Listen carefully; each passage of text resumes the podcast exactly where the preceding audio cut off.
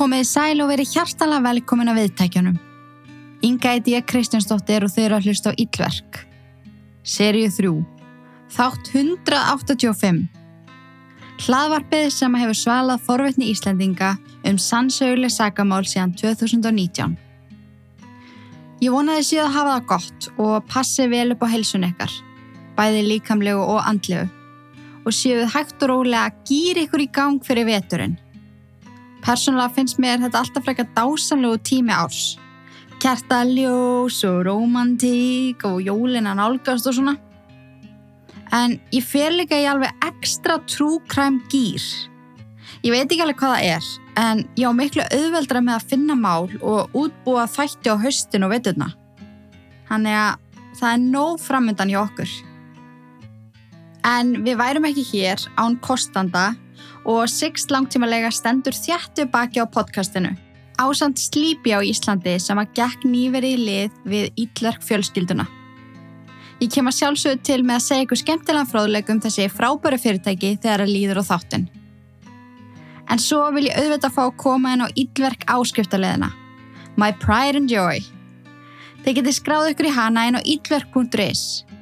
Við skráningu fáið aðgangað yfir 150 aukaþáttum allavegna að 15. oktober en núna fer að líða því að árin þrjú verða selt sér og við skráningu fær þú þá aðgang að þrem mánuðum aftur í tíman.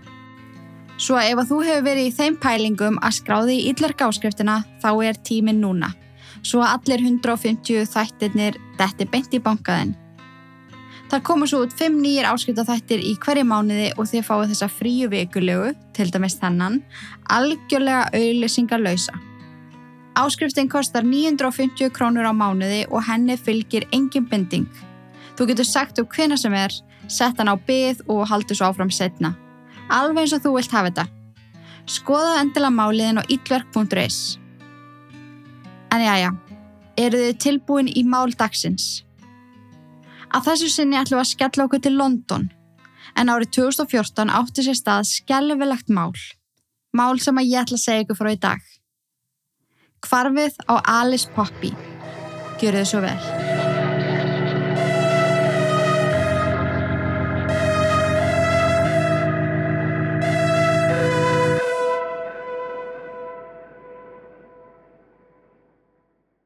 Þann 28. ágúst árið 2014 þá snýrist líf grássfjölskyldunar á kvolf. Að þessari dagsendingu hafði líf þeirra verið ósköp venjulegt, rólegt, dagleg rútina og mikil ástámiðli fjölskyldumælima. Grássfjölskyldan samanstóð af þeim Hosei, Rosalind og dætrum þeirra Nínu og Alice. Alice var fætt þann 14. februar árið 2000 á Valentínarsadaginn en eldri sestranna Nína var fætt árið 1995. Það er Nína og Alice voru einstaklega listrannar stelpur. Þar elskuðu bara að syngja, dansa, skrifa ljóð, mála myndir. Heimilið var uppfullt af alls konar verkum eftir stelpunar. Alice efði á fylgu, á piano og hún efði söng og var talin alveg verulega efnileg. Um, my name's Alex, I go to Brankside, and I'm going to be singing Skinny Love, which is originally by Bonnie Bear, but I'm going to be doing the Birdie version.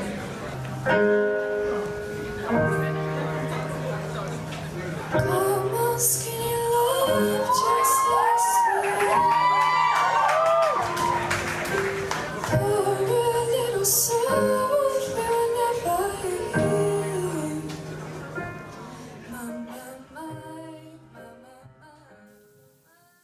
Alice sem var aðeins 14 ára gömul og örverfið í fjölskyldunni fekk alveg ekstra mikla ást frá fóruldri sínum og eldri systur. Þá sérstaklega síðastliði ár eða frá árinu 2013 þegar hún greinist með anoreksju.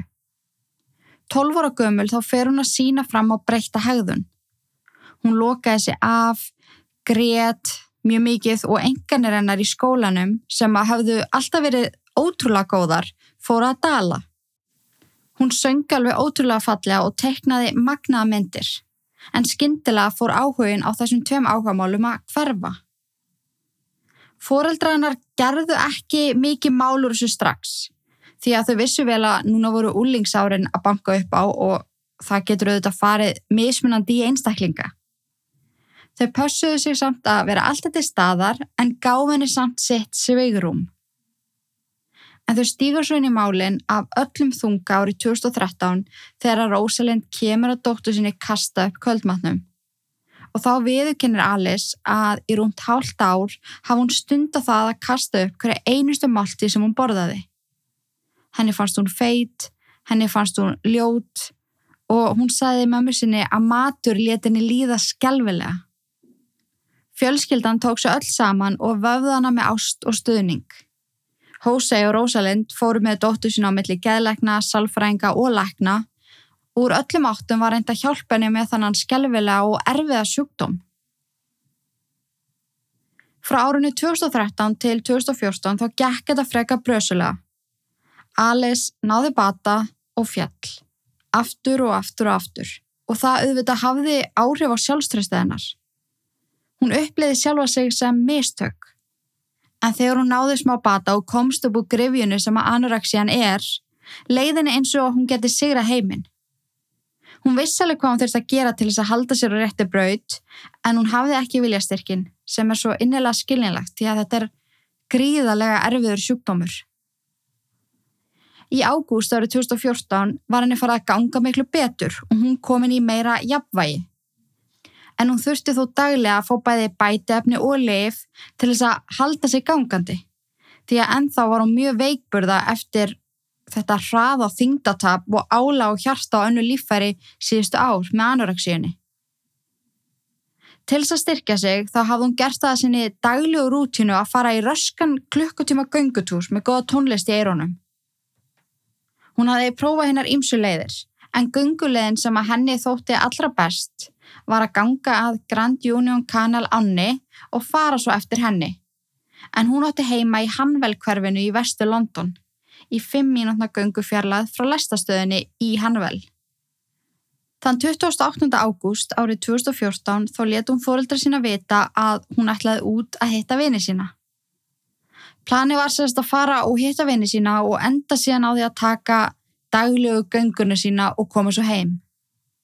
Hún kvatti fólkdra sína um klukkan eitt og var farin út rúmum tíu mínutum síðar og plani var að vera komin heim ekki mikið setna en sjö til þess að geta borða kvöldmat með fjölskyldinni sinni. Hún var á þessum aldri að hún hjekk mjög mikið með vinu sínum, eiginlega alla daga, allan daginn. En sama hún var mikið í burtu og sama hversu mikið hún síndi hvað hún hafði null áhugaði að vera heima á sér, þá var alltaf eitt að stóla á tímasetningarnar hennar og foreldra hennar hrósuðinu oft fyrir það.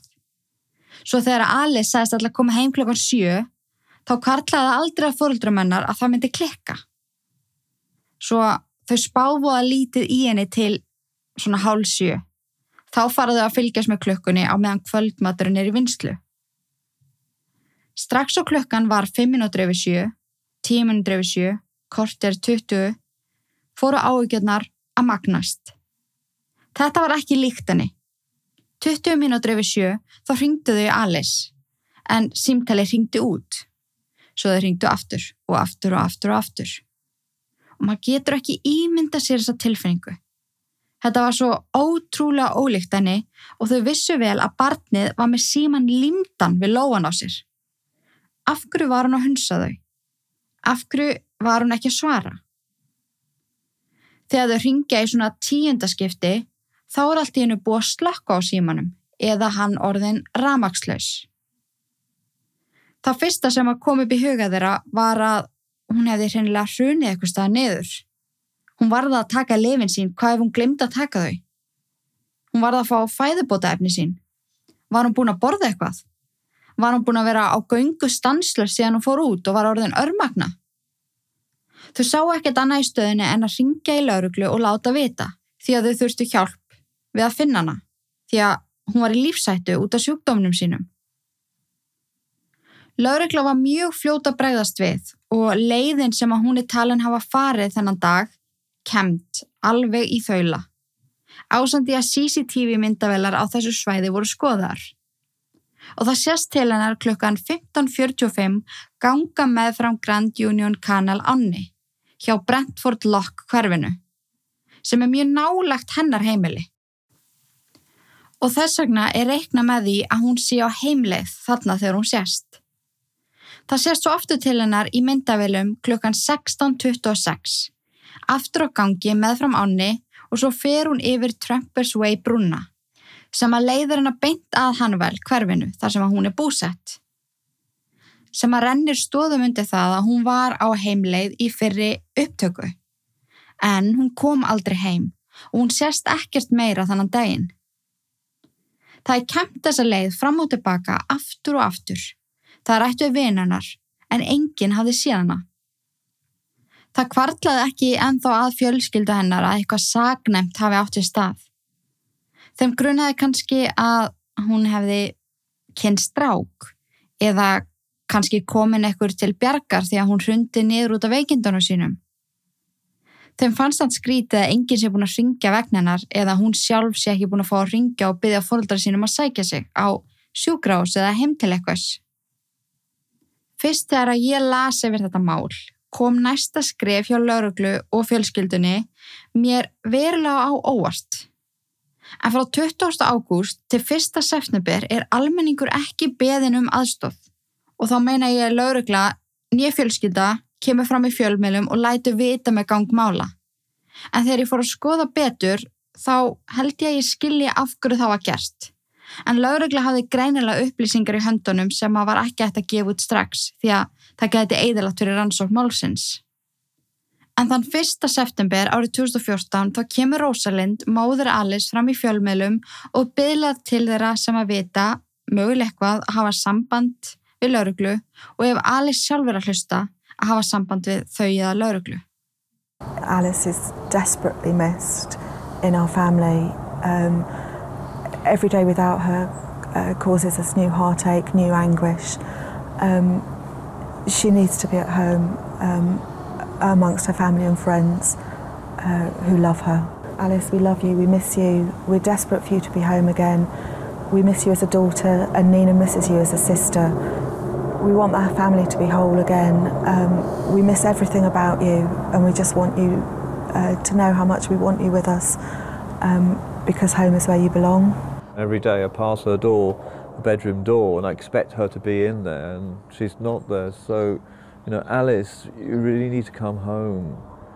And whoever you're with, um, she needs to be home. This is the place that she needs to be. She needs to be looked after. Just really looking forward to the sound of her voice, seeing her smile, just her presence. Um, the house feels Sama dag er einni gefið út að laurugla hafi lókisraf þegar að koma því að ræða við vini Alice, ásandi að gera húsleitt heima hjá þeim og heimili Alice. Það var einnig farið gegnum ákveðina almenningskarða og ofinn útrými sem er talið að Alice hafi gengið gegnum þann 28. ágúst. Þann 3. ágúst er það gefið út ofinberlega að manndrápstild lauruglunar hafi tekið yfir málið sem að gefa okkur það að þarna býr laurugla yfir upplýsingum sem að mega greinlega ekki fara til almenning strax. Því að ef að það væri ekkert sem að gæfi þetta kynna að Alice væri látin, væri málið meðhandlað sem mann hvars mál.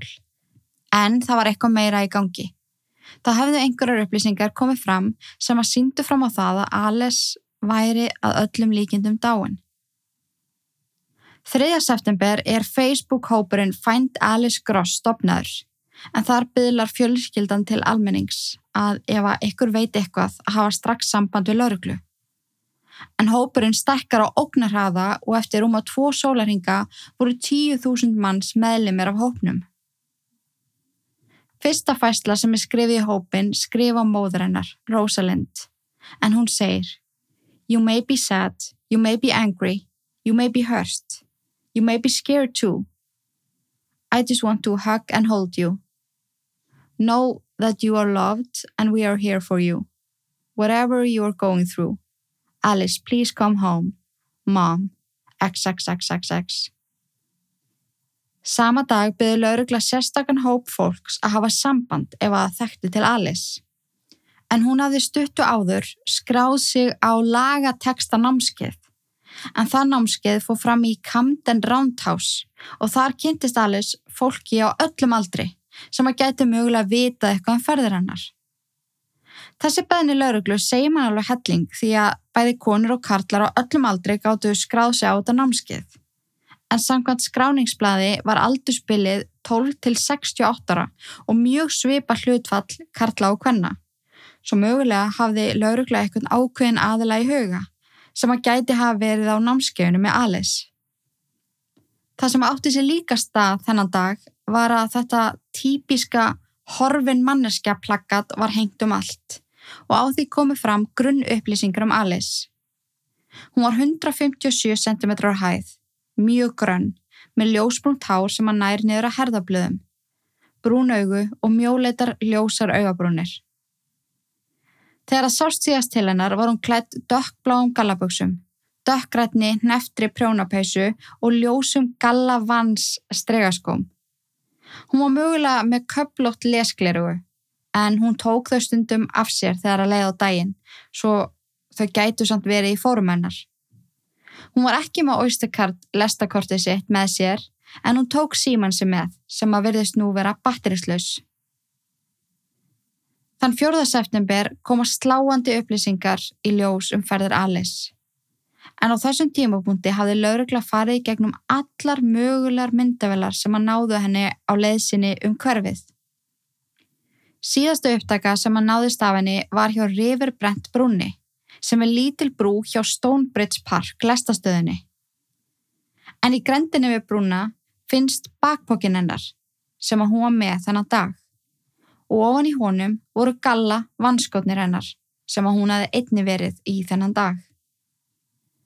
Eftir að bakpokkin hennar og skórnir fundust voru kafarar sendir af stað ofan í anna og staðfesti laurugla að leitin sé ekki bara að fleiri munum í hennar eigu, það sé líka verið að leita af henni ofan í ánni, sem að dró verulega úr þeirri von um að Alice var enn á lífi.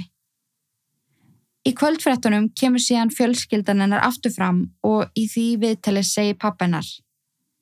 We like to say to Alice, first of all, that we miss her, that we love her and she is not in any trouble and we want to know that she is safe.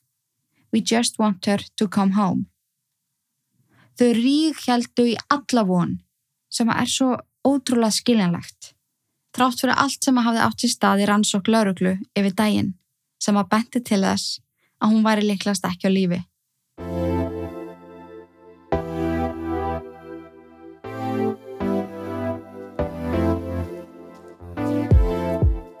Það er nýverið búið að skella inn nýjum kokkum í langtímalegu sext. Þau hendu mér á glænían Renault Captur sem er svona bíl sem að ég hefði aldrei spáði en vákaðan er fárala þægilegur. Ramax og bensibíl rúmgóður, skemmtilegur að keira og mér finnst ég bara algjör djöfis að skella á honum í alvörunni. En núna eru þau hjá Sixt að bæta nýjum bílum og þeirra plan er að auka úrvalið af 100% Ramax bílum því að öll stefnum er nú þangað að rúla um á Ramagni eins og eins og sagt í ykkur allt annar auðlýsingu. En kíkja endilega úrvalið inn á Sixt langtímalega. Það finnast sér allir bíl við sett hæfi á góðu verði. Og hei, ekki gleyma að nefna það að þið séu að hlusta á ílverk og þá munum meistarandi þannig að rissa upp góðan díl fyrir þig. Skoðuðu bíl á langtímalegu. Hagstætt og alveg fárulega þægilegt. Sixt langtímalega. Takk og bless.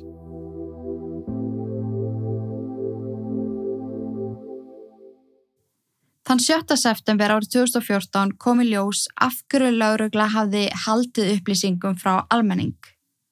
En síðustu daga hafði verið leitað af þrem einstaklingum sem að náðust í CCTV nokkrum mínútum á eftir Alice.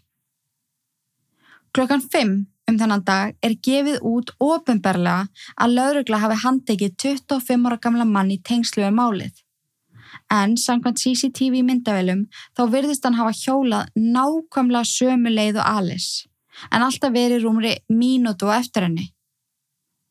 Lörgla vildi ekki svara frekari spurningum um mannin, en þegar að bladamæður spyr hvort að þetta geti ekki bara verið tilviljun að maðurinn hafi farið sömu leið og hún, segist Lörgla ekki geta svara því.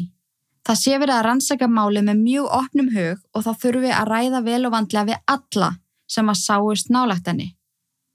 En þú áttu svo eftir að koma í ljós að laurugla vissi miklu meira á þessum tímapunkti. En eins og svo ofta áður þá getur það eðilegt rannsók þegar það er gefið of mikið upp í fjölmiðla. 7. september er svo annar maður handtekinn í tegnslu um málið. Hann var 51 á skamall og sást einnig á hjóli fara sömuleið og Alice.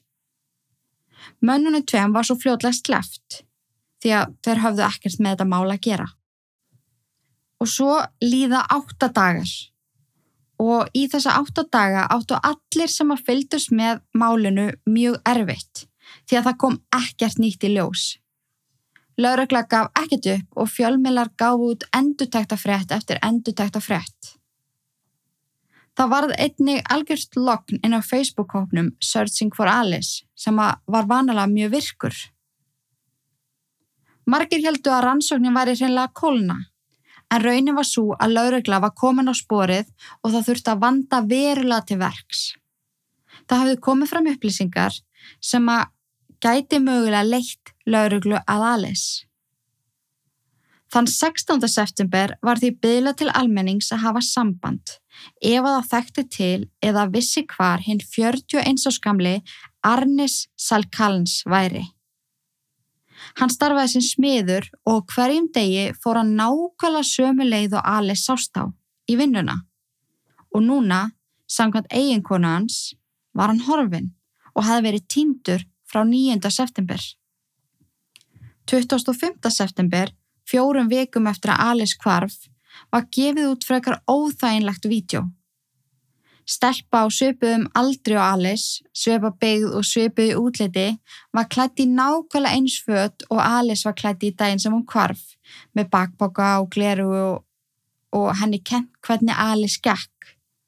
En Alice lappaði alltaf eins og hún væri kraftgöngu, allavega þegar hún gekk einsinsliðis í þessum daglegu hilsubótagöngum sínum. Hún sveiplaði höndunum og, og gekk hratt og leikona var svo látin ganga leiðina sem að Alice gekk í þeirri von um að fólk sæði þetta og það ringdi ekkur um bjöllum. Og það var gríðala mikið af fólki sem að ringdi inn eftir að hafa séð þetta vídeo í frettunum. Og það var greinilega eitthvað sem að kom fram í þessum símtölum sem að leti lauruglu að ákveðnum almenningskarði. En þann 29. september er leitað í Osterley Park í vestu London sem er í rúmlega 30 km fjarlað frá brunni sem hún sást síðast á, en þarna hafði mjög oft verið leita áður. Þann 30. september gaf laurugla út þessa yfirleysingu ofinbarlega. Good morning, I am Commander Graham McNulty from the Specialist Crime and Operations Directorate in the Metropolitan Police. Last night, the 30th of September, a search was carried out at the River Brent as part of our ongoing investigation into the disappearance of Alice Gross. Following this search, we have sadly recovered a body from the water. Alice var látin. Hún fannst á stað þar sem maður var marg sinnis búið að leita og morðingin hafði augljóslega haft mikið fyrir því að fela líkið. Alice var kviknakin nema hún var klætt í eitt sokk á hægri fæti. Hún var bundin först í fóstustellingunni og svörtum ruslapókum vafið utanum líkið. Til þess að líkið flyti ekki upp á yfirborð annar var það þyngt með múrsteinum og reyðhjóladekki. Það hafði svo einni verið hent trjátrömpum og greinum ofan á það. Þann fyrsta oktober var staðfest ofinberlega eftir að bóri hafi verið kennsla líkið er að þetta var hinn 14 ára gamla Alice og dánarársökanar var köpnun. Engoð þungt hafiði leigið það lengi á bringuna á henni að hún kapnaði. Það voru engin sjáanleg meðsli á líkama hennar og ekkert sem að bendi til þess að hún hefði verið misnótu kynferðislega. Þótt að hafi vissulega litið allt út fyrir að þetta hefði verið gert í kynferðislegum tilgangi þar sem að hún var nakin. Það var allan ekkert sem að bendi til þess við líkamlega skoðun.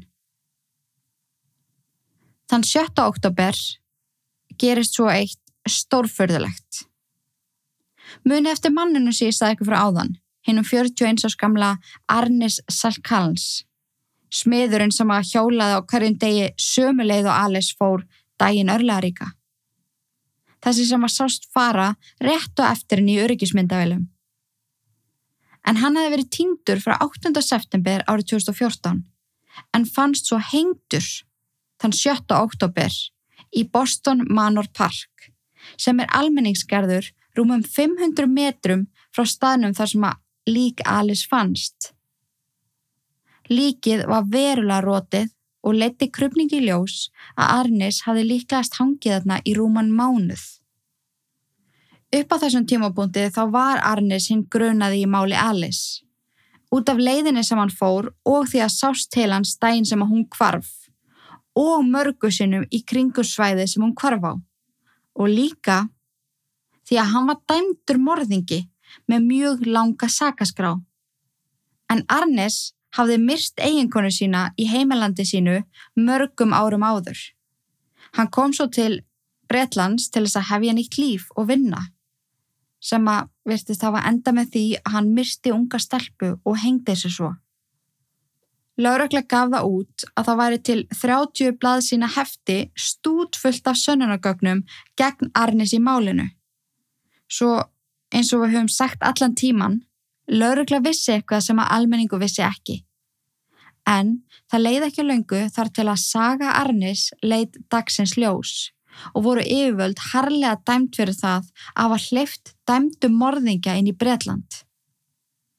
En hann flutti til Breitlands árið 2007 eftir að hafa setið í fangelsi í Lettlandi. En hann var dæmdur fyrir það að hafa stungið eiginkonu sína Ruthie til bana og grafið svo líkanar árið 1998. Samkvæmt gögnum sem að teilir um málið þá myrst hann eiginkonu sína því að hann grunaði hann um framjáhald. En Rúði hafði sérst nýlega sagt honum að áhugi hennar á kvennmönnum hafi aukist með áronum og hún var vel ofinn fyrir því að stunda eitthvað skonar trekant með honum og annari konu. Hann tók þessu virkilega illa, kallaði hana helviðis lesbíu og gjörsanlega satt um hana. Eitt kvöldi þegar hún kom ekki heim á tilsettum tíma var hann vissum að hún væri ykkur staður út í bæi að halda framhjá, með konu. Þegar að Rúði kom svo loksins heim, þá beigðan hennar með eldursnýf sem hann notaði til þess að stingana, ítrekkað um allan líkamann. Hann fekk svo síkrættu eftir að hafa myrst hana, skellti sér í styrstu og lagði svo á ráðinn. Hvað ætti hann að gera við líkið?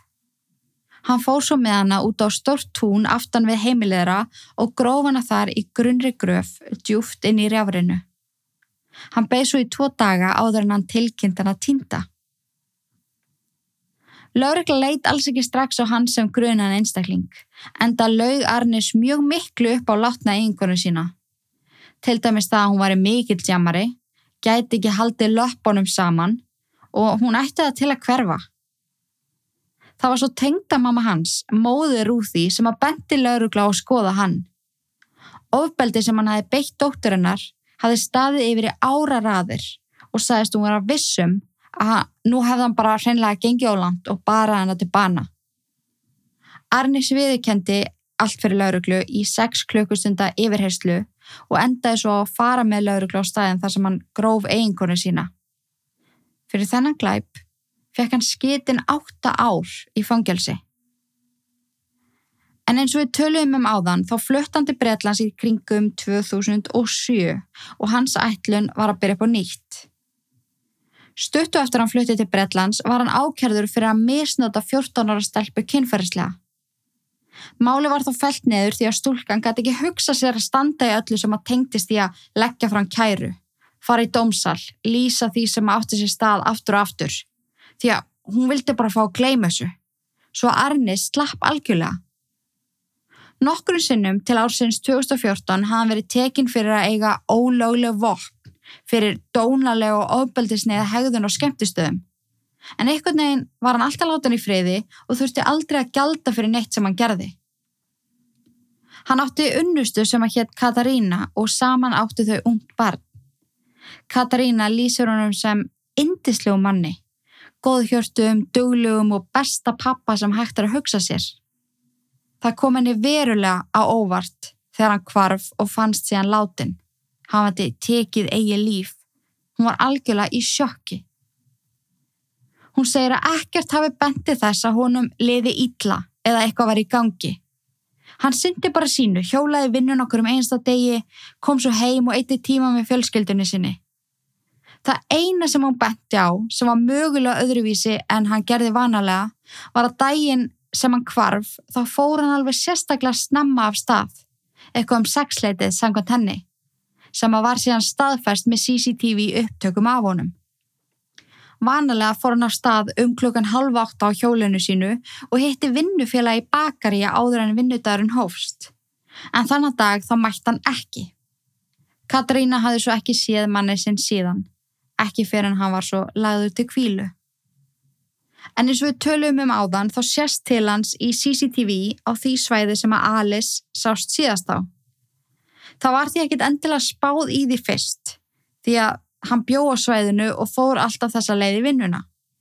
En þegar það kom upp á borðið að mögulega væri hann viðriðin morðið var kemti gegnum hverja einustu klippu. Dægin sem að Alice hverfur sést hún í myndavel klukkan tíu mínútur við fjögur. Hún hverfur svo úr auksín og sést ekkit meira. Arne sést líka í kringum 12 mínútur yfir fjögur. 80 mínútum síðar sést til hans ganga út úr rjáfri. Hann var augljóslega blöytur og búin að bretta upp á skálmanna sínar og ermar. Seðan hjólar hann í burtu. Alice sést tíu mínútur yfir fjögur. En það er drepið á símanum hennar klukkan hálf fimm. En hún átti kvítan iPhone 4 með rauðum túspennastrókum aftan á og skjárin var brotinn. Arnir sést svo aftur um kvöldi í myndavélunum á nákvæmlega sama stað. Hann hverfur úr auksín og byrstist svo 60 mínútum síðar, stekkur upp á hjóli sitt og hjólar í burtu. Dægin eftir, eða þann 29. ágúst árið 2014, sést svo til hans í öryggismyndavélum inn í sjóppu skamt frá þessari dularfullu staðsendingu. Hann kefti sér vatn og samlóku og á bakinu var hann með bakboka sem að virtist vera fullur af ekkuru. Hann kemur síðan út úr sama rjóðri og áður eftir tvo klukkutíma. Og ef maður skoður þetta svæði þá er ekkert aðna. Nokkur tríi, áinn, það eru ekki bakkir aðna eða neitt. Svo ef þú ert ekki til dæmis með hund þá hefur þú búið að lítið að gera þarna. Svo hvað var Arnis að gera þarna í allan þennan tíma?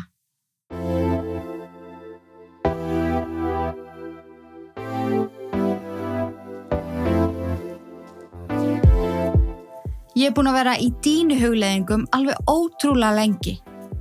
Ég veit ekki hvað það er, en það að kaupa með dínu, það, það hræði mig. Ég fæ svo mikið svona framistöðu kvíða, eða svona, uh, hvað ef ég verði ekki ánað, eða hvað ef ég er ánað fyrst og svo fer það að dala. Æ, ég veit það ekki. Ég hef einhvern veginn frestað þessu ótrúlega lengi.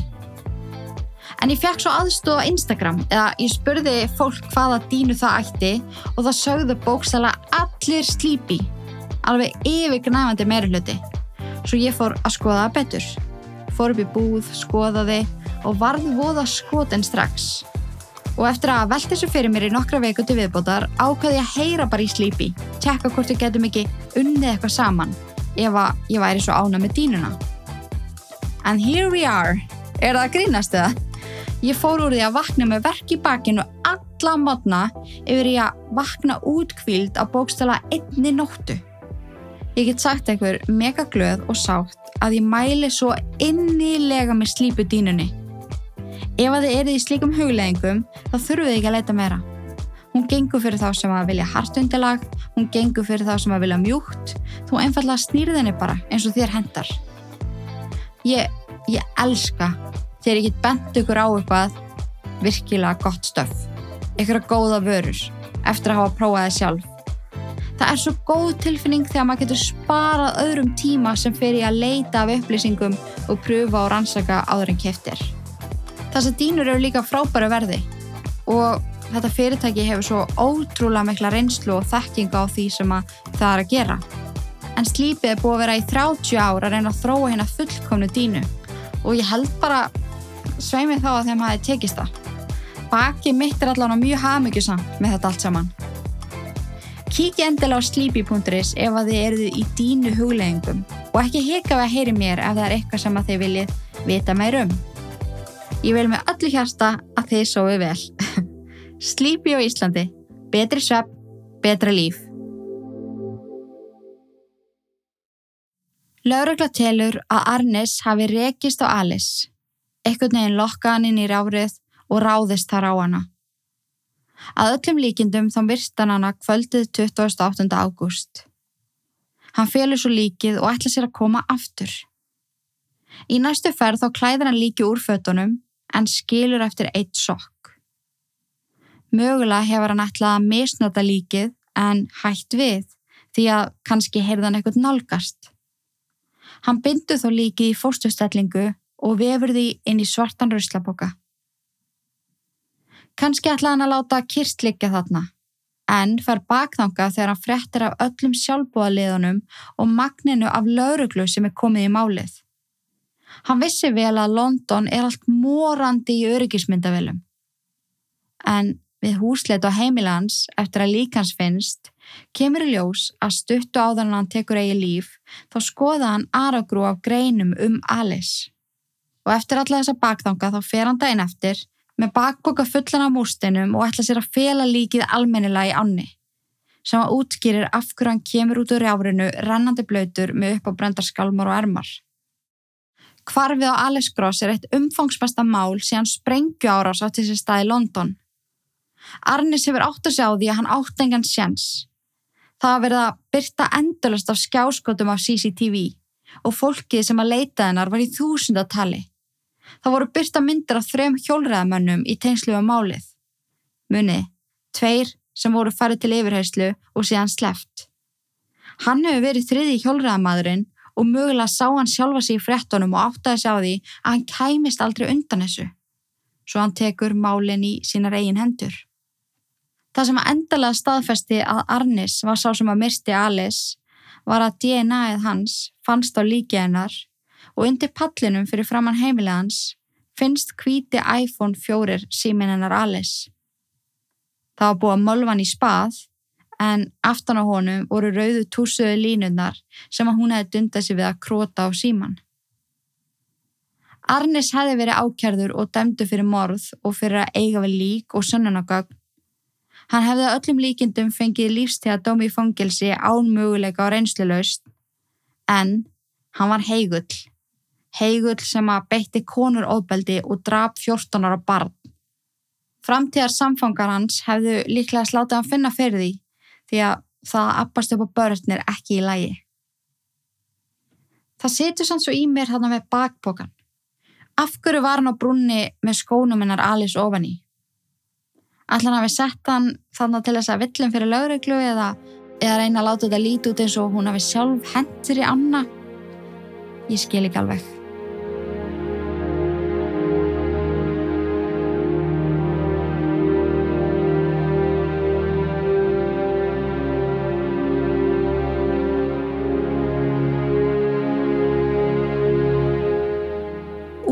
Alice Poppy Madeline Gross fór fram þann 23. oktober árið 2014.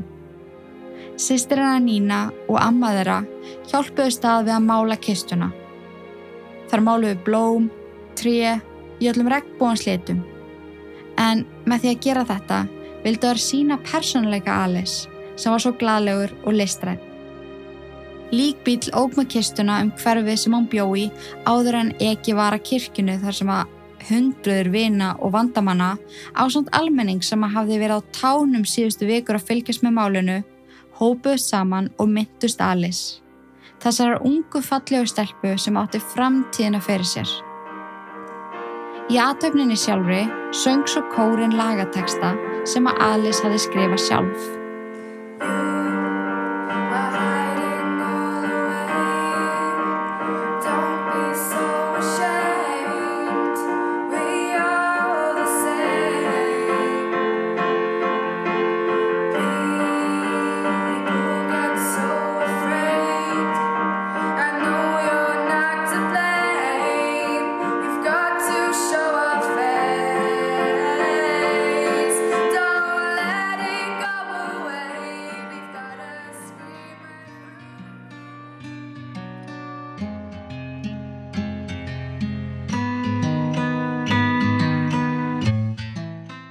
Jæja, fyrsti laugadagstáttur oktober mánadar. Við erum líka nálgast spooky season og ég mælu með því að þið fylgist vel með. Það verður ansið mikið að gerast hjá Ítlverk podcast í þessu mánuði. Fullt af áhugaverðu málum, YouTube-vídeóum og alls konar skemmtilegt. Og kannski ég fá að nýta tækifærið og minna ykkur á lokuðu Facebook-grúpuna á Facebook sem heitir bara Ítlverk. En það er alltaf mikið um að vera og með því að vera í henni þá missið ekki af neinu. Síðan er það Ítlark podcast á Instagram en þar set ég myndi frá öllum málum og læt vita þegar nýjir detta í hús og svona. Þannig að endilega fylgis með þar. En þánga til næst, takk fyrir að hlusta, takk fyrir að vera til og í guðana bænum forðustu öll Ítlark nema þetta podcast. Verið sæl. Haugur, take it away. Sættu sjöfið og þú dottir eftir lukku Sýnda sáli sem í djúpa hafi sökku Gangin líf eins og flugur inn í krukku meðan 666 andast uppu Sættu sjöfið og þú dottir eftir lukku.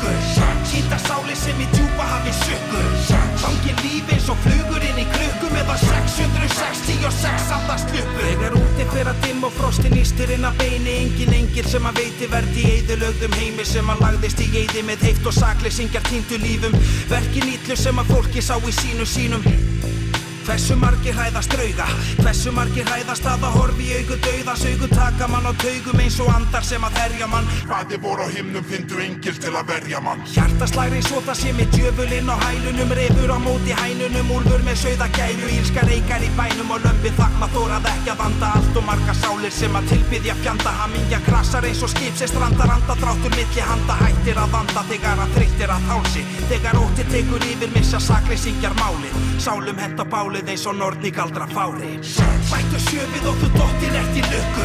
Sýnda sáli sem í djúpa hafi sökku Gangin líf eins og flugur inn í krukku meðan 666 andast uppu Sættu sjöfið og þú dottir eftir lukku. Sýnda sáli sem í djúpa hafi sökku Gangin líf eins og flugur inn í krukku meðan 666 andast uppu Er það reyði sem að gera megin Skeppnur skapar eins og grimmir hundar sem að naga bein Eins og refur inn í hensna kofa Hænur sofa svefninu langa þegar að anda koma. Þegar illir anda taka yfir liði fyrir yfir liði Ljósir anda fara fyrir. Flesti kjósa fá að halda friðin Liðir yðar um og missi trúna sem það lifði fyrir.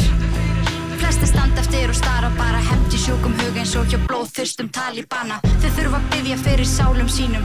Eins og fíkil sem er háður vímu þjáður er í sárum sínum. Byður um það eitt að hlusta sé á alla bæni sínar. Gengi hefur grítt að vegi alla fokkin æfi sína. Shhh, viltu fá að sjá? Ingu íllur tróða sér í lag hjá fokkin hauki há. Sjöfið og þú dottir eftir lukku.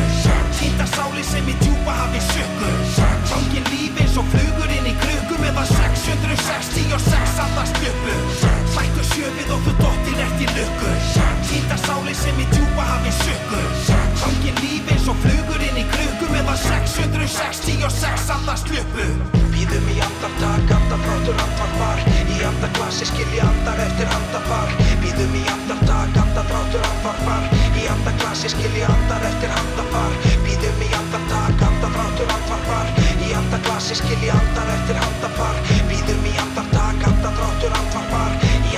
Þessi skilji andar eftir andafar